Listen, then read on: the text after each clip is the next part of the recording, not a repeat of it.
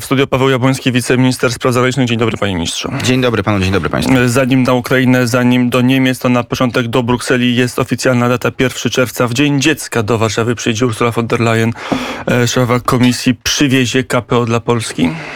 No to nie chodzi o przywożenie czegokolwiek, raczej o mm, potwierdzenie pewnych ustaleń, które już zostały w dużym stopniu mm, poczynione. Rozmowy były rzeczywiście długie, rzeczywiście intensywne i wydaje się, że zbliżamy się do pozytywnego e, ich zakończenia. E, na to wszyscy liczymy. Mamy nadzieję, że to się uda, że nikt nie podejmie też próby roz, rozwalenia, przełamania, wywrócenia tego kompromisu, bo takie próby są podejmowane niestety także w polskiej polityce, ale myślę, że y, jest duża szansa, że tym razem się już tego nikomu przewrócić nie uda. Na krótkie sprostowanie 1 czerwca ma być być przyjęty KPO, a 2 czerwca. 2 czerwca. Tak jest, ma być Ursula von der Leyen, czyli dzień po Dniu Dziecka. Dzień Dziecka byłoby jeszcze e, ciekawiej. 40 miliardów e, euro w, zacznie pracować pełną parą w polskiej gospodarce. Tego oczekuje polski rząd?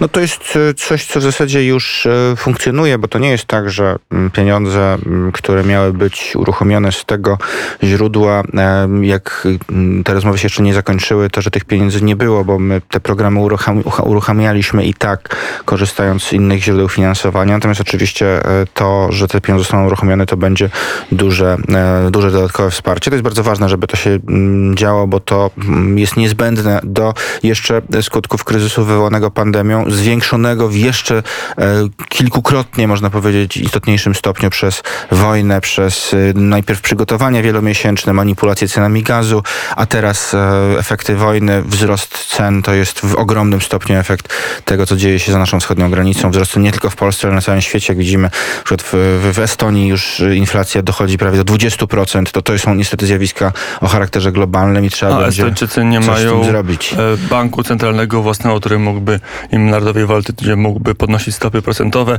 e, więc e, mają trochę trudniej niż chociażby Polacy. Powiedział pan, że jest kompromis. Co to jest za kompromis i na czym on polega? Przypomnijmy. To są decyzje dotyczące mm, Krajowego Planu Odbudowy, które mają bardzo szeroki zakres, dotyczą różnych kwestii związanych z funkcjonowaniem państwa. Natomiast nikt nie ukrywał, że przedmiotem dość e, intensywnego sporu był kształt e, systemu e, sądownictwa i w tym zakresie przede wszystkim my wskazywaliśmy na to, że niezbędne jest to, aby system sądownictwa, w tym także system dyscyplinowania sędziów był po prostu skuteczny. Skuteczność musi polegać na tym, że ten system e, może realnie działać, może realnie doprowadzać do tego, aby ci sędziowie, którzy e, po prostu albo popełniają pewne wykroczenia, albo na przykład łamią zasady apolityczności, e, byli w sposób realny, mogli być za to dyscyplinarnie karani. Na tym polega każdy zdrowy system, każdego zdrowego państwa, że tego rodzaju po prostu złamania prawa są ścigane.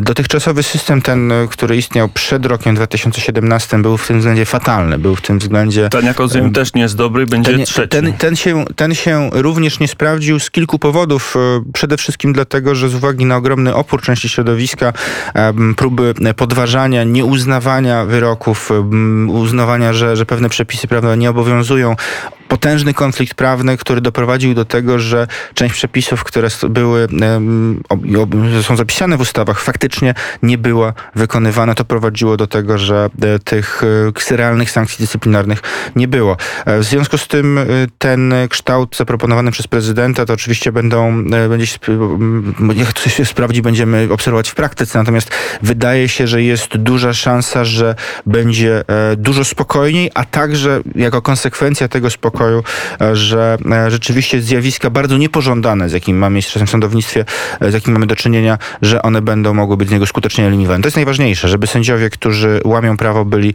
po prostu za to odpowiednio karani, ale też, żeby nie był ten system nadużywany do, do, do, do działań, które nie powinny mieć miejsca. Jakie pan minister, jaką ma, pan minister ma pewność, że ten kompromis zostanie dotrzymany? Nie mam żadnej pewności. Nie mam nigdy stuprocentowej pewności. Zawsze mogą być sytuacje, które coś jeszcze zmienią, bo mieliśmy do czynienia w przeszłości z takimi sytuacjami, że e, pewne ustalenia miały miejsce, no nie zawsze były dotrzymywane, więc pewności nie ma. Natomiast z Timmermansem w roku 2018-2019 chociażby. Była taka sytuacja w 2018 roku, że Polska również dokonała pewnych zmian, które Komisja Europejska ówcześnie e, wskazywała jako pożądane. Następnie pomimo ich dokonania e, nic się w zasadzie nie zmieniło po stronie Komisji Europejskiej. To była ówczesna decyzja polityczna którą podjęła Komisja Europejska. I Dzisiaj Sejm zlikwiduje Izbę Dyscyplinarną, a Komisja nie wypłaci pieniędzy i co wtedy? Mamy, liczymy na to, że jesteśmy, będąc w takiej sytuacji międzynarodowej, w jakiej jesteśmy od przede wszystkim od trzech miesięcy, choć tak naprawdę ta sytuacja już dojrzewała niestety od, od wielu, wielu miesięcy, jeśli nie lat, a Polska przed tym ostrzegała, ale dzisiaj to się wszystko po prostu niestety potwierdziło, że dzisiaj Unia Europejska nie może dzielić się, nie może mm, opierać się na e, podziale między państwa, które się ze sobą zgadzają i te, które są gdzieś stawiane e, z boku pod e, fałszywymi pretekstami, zwłaszcza, zwłaszcza gdy tym pretekstem miała być obrona wartości. Dlatego, że wartości europejskie dzisiaj nakazują nam jedność i nakazują nam wsparcie Ukrainy, bo to Ukraina tych wartości broni.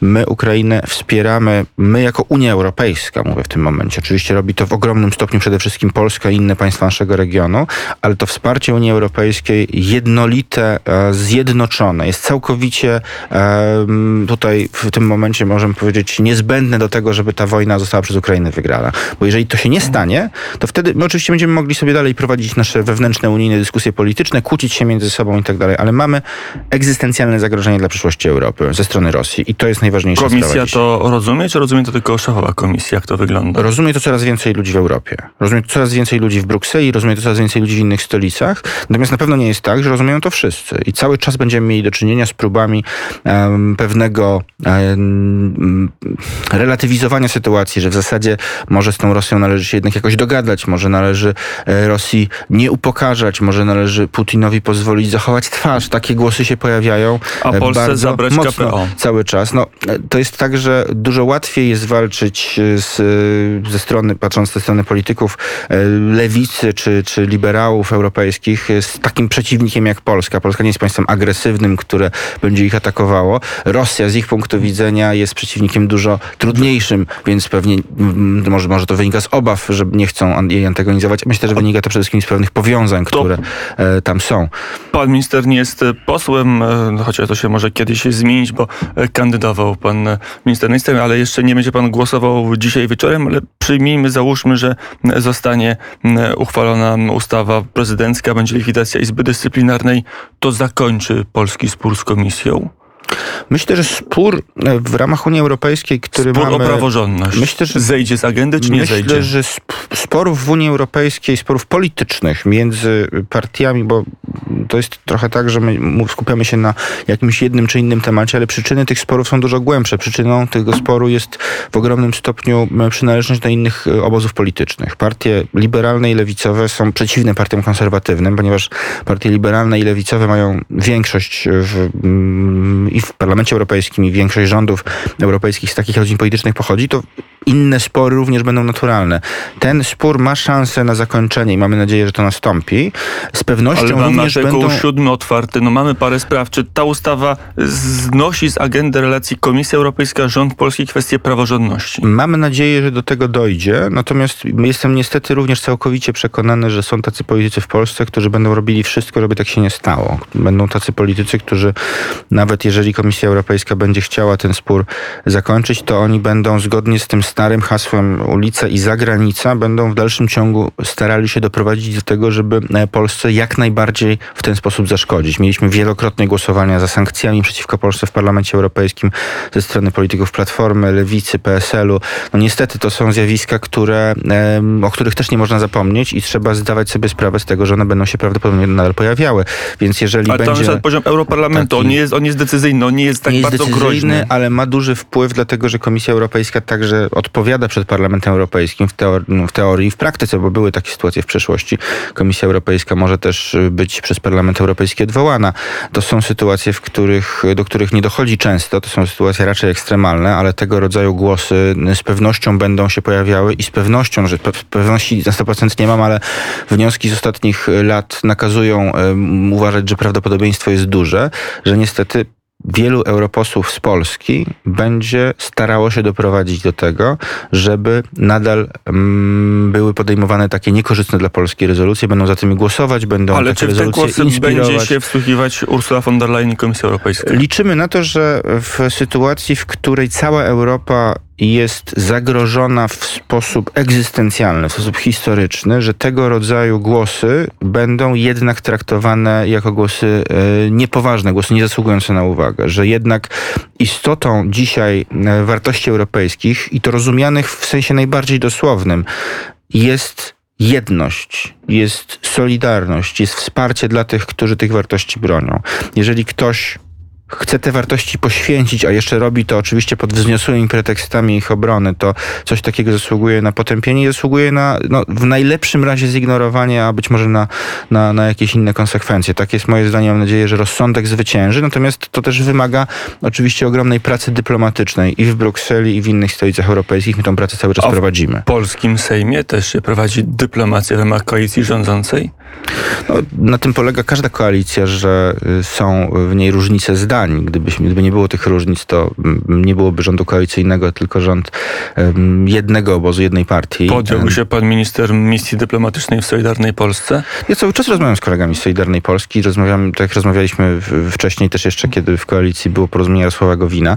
No, to jest trochę tak, że y, są czasami takie partie. Myślę, że porozumienie Jarosława Gowina jest tutaj dobrym przykładem, że mm, młodszy partner koalicyjny nabiera w pewnym momencie czasami przekonania, że jego waga jest tak istotna, że może dyktować warunki. No, myślę, Ale że to jest spór Solidarnej... fundamentalny. Solidarna Znaczy, ja Polska myślę, że mówi, to nic nie Solidarnej- da. Przyjmiemy tą ustawę, ośmieszymy się, pod- poddamy się dyktatowi Brukseli, a i tak pieniędzy nie zobaczymy. Myślę, że koledzy z Solidarnej Polski y, najlepiej byłoby, gdyby działali tutaj rozsądnie, y, biorąc pod uwagę wszystkie konsekwencje swoich działań, działań, które mogą doprowadzić do niekorzystnych skutków dla Polski, jeżeli będą po prostu eskalowały spór. Dzisiaj jesteśmy w sytuacji wojennej. Ale to działania naszych granic wojna. Trwa są nieodpowiedzialne? Trwa u naszych granic wojna. Jeżeli mamy dzisiaj pewien spór e, z instytucjami europejskimi, który możemy rozwiązać, jest szansa na jego rozwiązanie, to nie podjęcie takiej próby byłoby z naszej strony błędem. My nie mamy stuprocentowych gwarancji. Nigdy w polityce nie ma na nic stuprocentowych gwarancji.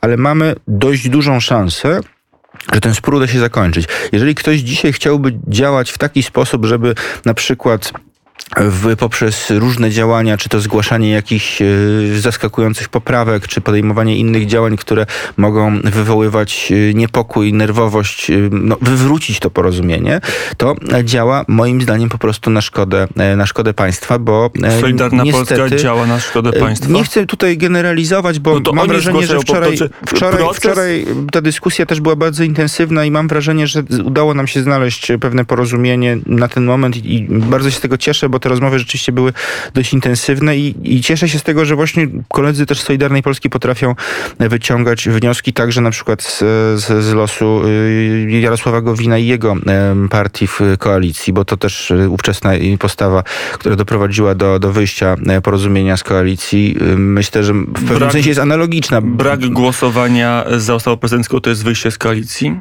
Myślę, że e, działanie, to nie chodzi o, o no, jedno czy drugie głosowanie, bo takich sporów dotyczących różnych kwestii merytorycznych albo personalnych było już trochę.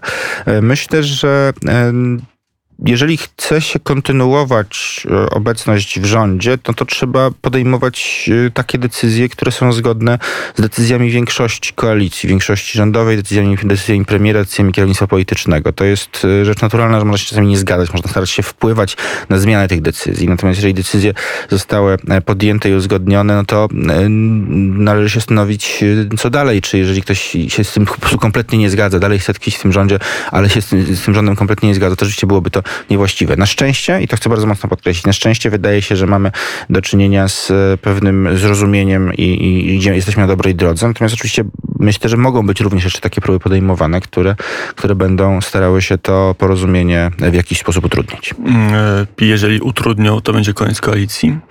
Ja nie chcę używać tak ostatecznych kategorii, dlatego że e, były już nawet w nie tak dawnej przeszłości różne spory, toczone często też przez kolegów Solidarnej Polski publicznie, w sposób, który uważam był niewłaściwy. Atakowanie prezydenta, atakowanie premiera. No to są rzeczy, które nie są pożądane. Natomiast do, to nie doprowadziło także do końca koalicji. Przede wszystkim z tego powodu, że my uważamy, w Prawie i Sprawiedliwości, że ta koalicja ma swoją ogromną wartość. Pomimo sporów, które są między nami, udało nam się zrealizować zasadniczą część naszego programu i w 2015-2019 roku. Dziś w tej bardzo trudnej sytuacji, w jakiej jesteśmy, sytuacji kryzysu wywołanego wojną, w sytuacji bardzo dużych konsekwencji gospodarczych, z którymi będzie się Polska i inne kraje europejskie mierzyły przez najbliższe miesiące, jeśli nie dłużej, to y, w tej chwili skupianie się na sporach wewnątrzpolitycznych jest po prostu niewłaściwe. Raczej należy dążyć do kompromisu, do porozumienia i myślę, że jeżeli uda nam się y, tą postawę zachować, to wszyscy będą na tym korzystali. Ostatnie pytanie w tym temacie. Postawa Zbigniewa Ziobro pomaga czy przeszkadza polskiej dyplomacji?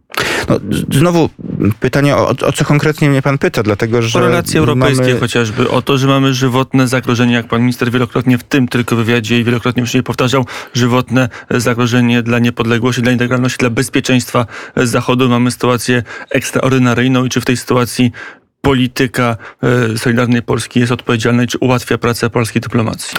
Ja powiem tak, praca, którą podjął e, minister Ziobro nad reformą wymiaru sprawiedliwości była całkowicie niezbędna. To było, to było absolutnie konieczne, żeby te reformy wprowadzić. System sądownictwa przed rokiem 2015 funkcjonował w sposób fatalny. E, pewne kroki, które zostały od tego czasu wykonane, można oceniać lepiej, pewne można oceniać gorzej. Można mm, uważać i, i ja podzielam takie zdanie, że być może lepiej byłoby, gdyby część zmian wprowadzono w sposób spokojniejszy, nieco lepiej je wyjaśniono także partnerom międzynarodowym, którzy e, zgłaszali zastrzeżenia nie po to, żeby e, dostosowywać jakiekolwiek polskie przepisy do, do czyichś wymogów, ale żeby właśnie w sposób spokojny wytłumaczyć, wyjaśnić o co chodzi. Myślę, że tego może, może, może trochę zabrakło, to, to mogło przyczynić się do wywołania tego niepotrzebnego sporu, bo zmiany, które zostały wprowadzone przy e, negatywnej ocenie wielu z nich w kontekście ostatecznego funkcjonowania, ale wynikają, to, to, to, to, to funkcjonowanie wynika właśnie z potężnego oporu części środowiska prawniczego. To te zmiany, kierunek tych zmian jest właściwy. Być może one mogły być skuteczniejsze, być może mogły być prowadzone w sposób bardziej e, przygotowany, bardziej systemowy. Tutaj na pewno można, nikt nie robi, nikt, nikt nie, jak ktoś nic nie robi, to wtedy nie robi też błędów, ale no, tych błędów czasem się uniknąć nie da. Ale jesteśmy w takiej sytuacji, że e, zasadnicza część zmian teraz jeszcze będzie oczywiście ponownie analizowana, być może będą jakieś kolejne, no to jest cały czas proces, który trzeba oceniać i no, Cały czas czekamy na sędziów pokoju, czekamy na reformę sądów powszechnych, to wszystko gdzieś tam e, czeka w komisjach albo w ogóle w gabinetach e, ministerialnych. E, często lider opozycji niemieckiej Friedrich Merz zażądał od niemieckiego rządu wyjaśnienia, dlaczego obietnice złożone Polsce co do wymiany czołgów nie zostały dotrzymane. Co to jest za historia, co nam Niemcy obiecały i czego nie dotrzymały? Ja niestety nie mogę wchodzić zbyt głęboko w te szczegóły, bo te sprawy są objęte e, pewnymi klauzulami. Mogę powiedzieć jedynie tyle, że. Prezydent Andrzej wszyscy... powiedział w Davos chyba dość. Powiedział, Berlin nie dotrzymał słowa. Trudno mocniejsze słowa w języku dyplomacji. My y, od początku wojny, nawet jeszcze przed jej wybuchem, bardzo mocno podkreślaliśmy to, że polityka niemiecka w kontekście Rosji, w ogóle w kontekście wschodu, także w kontekście Ukrainy, w kontekście blokowania e, działań, które mogłyby Ukrainę wzmacniać, że ta polityka była błędna. To była polityka fatalna, polityka, która przy, przyniosła skutki opłakane, które dziś wszyscy możemy obserwować. Na szczęście my ich nie doświadczamy w Polsce, ale niestety doświadczają ich bezpośrednio Ukraińcy. O I tym to jest polityka, mówił minister Rau w Berlinie chociażby. To jest polityka, która poniosła całkowitą klęskę. O tym mówił minister Rau w Berlinie. Myślę, że to są niezwykle istotne słowa. Szefa polskiej dyplomacji w Berlinie, który bezpośrednio mówi rządowi niemieckiemu, jaka jest rzeczywistość. My odchodzimy od tej fatalnej polityki także naszego, naszych poprzedników, którzy jeździli do Berlina po to, żeby mówić, że Niemcy robią wszystko bardzo dobrze i powinni robić jeszcze więcej tego samego, jeszcze więcej niemieckiej aktywności, mówił kiedyś Radosław Sikorski. No to była polityka tak naprawdę e, żyrowania tego ze strony Europy, ze strony Europy Środkowej. Jest to słynne wystąpienie Donalda Tuska na kongresie CDU, które e, telewizja polska wielokrotnie powtarza, skracając do tego bardzo krótkiego fragmentu Für Deutschland. Ale to słowo Für Deutschland, to sformułowanie Für Deutschland jest takiej nieco dłuższej wypowiedzi, która niestety nie jest w całości powtarzana. Uważam, że powinna, bo on tam mówi mniej więcej coś takiego, że rządy CDU były dla Niemiec, für Deutschland, były błogosławieństwem i były nie tylko für Deutschland błogosławieństwem, ale für ganz Europa, czyli dla całej Europy, w tym także później mówi Donald Tusk, dla naszych ukraińskich przyjaciół. No przecież jeżeli Polska, rząd polski coś takiego mówił, a tak było niestety do 2015 roku i twierdził, że to, co robią Niemcy jest dobre dla Europy Środkowej, dla Ukrainy, dla, dla całej Europy, to de facto ponosi współodpowiedzialność za to, że Niemcy mogły to spokojnie robić, że nikt ich wówczas nie krytykował, nikt nie starał się ich naprostować. My, od tego, mówił, my od tego odchodzimy. My będziemy mówić bardzo jasno. I to, co mówił minister Rao w Berlinie, myślę, że też jest bardzo ważne, jeśli chcemy zmienić tą fatalną politykę niemiecką. Jeśli chcemy ją zmienić, to musimy mówić, że nam się ta polityka nie podoba. Będziemy o tym mówić, nawet jak nas będą krytykować, że to nie jest y, dyplomatyczne i miłe. No niestety dzisiaj nie są takie okoliczności, że wszystkim może być miło. czołgi do Polski przyjadą, czy nie? Mam nadzieję, że będziemy znacznie ściślej współpracować e, w sprawach obronnych, że będzie znacznie bardziej um, równomiernie rozłożona um, zdolność obronna NATO e, na terytorium poszczególnych jego członków. Jeszcze do roku 2015-16 w ogóle mieliśmy problem ze stałą obecnością wojsk NATO na wschodniej flance. Teraz Efekty szczytu NATO w Warszawie w 2016 roku doprowadziły do tego, że to się zaczęło zmieniać. Teraz oczywiście mamy przyspieszenie i powinniśmy mieć znacznie większą obecność natowską, znacznie więcej sprzętu wojskowego. Przed Zdaj... nami szczyt NATO w Madrycie. Szczyt NATO w Madrycie będzie kluczowy w tym zakresie, żeby podnieść też jakby jakość, wielkość związku związków operacyjnych NATO na naszym terytorium. Powiedział Paweł Jabłoński, wiceminister spraw zagranicznych. Dziękuję bardzo za rozmowę. Dziękuję bardzo. Dobrego dnia.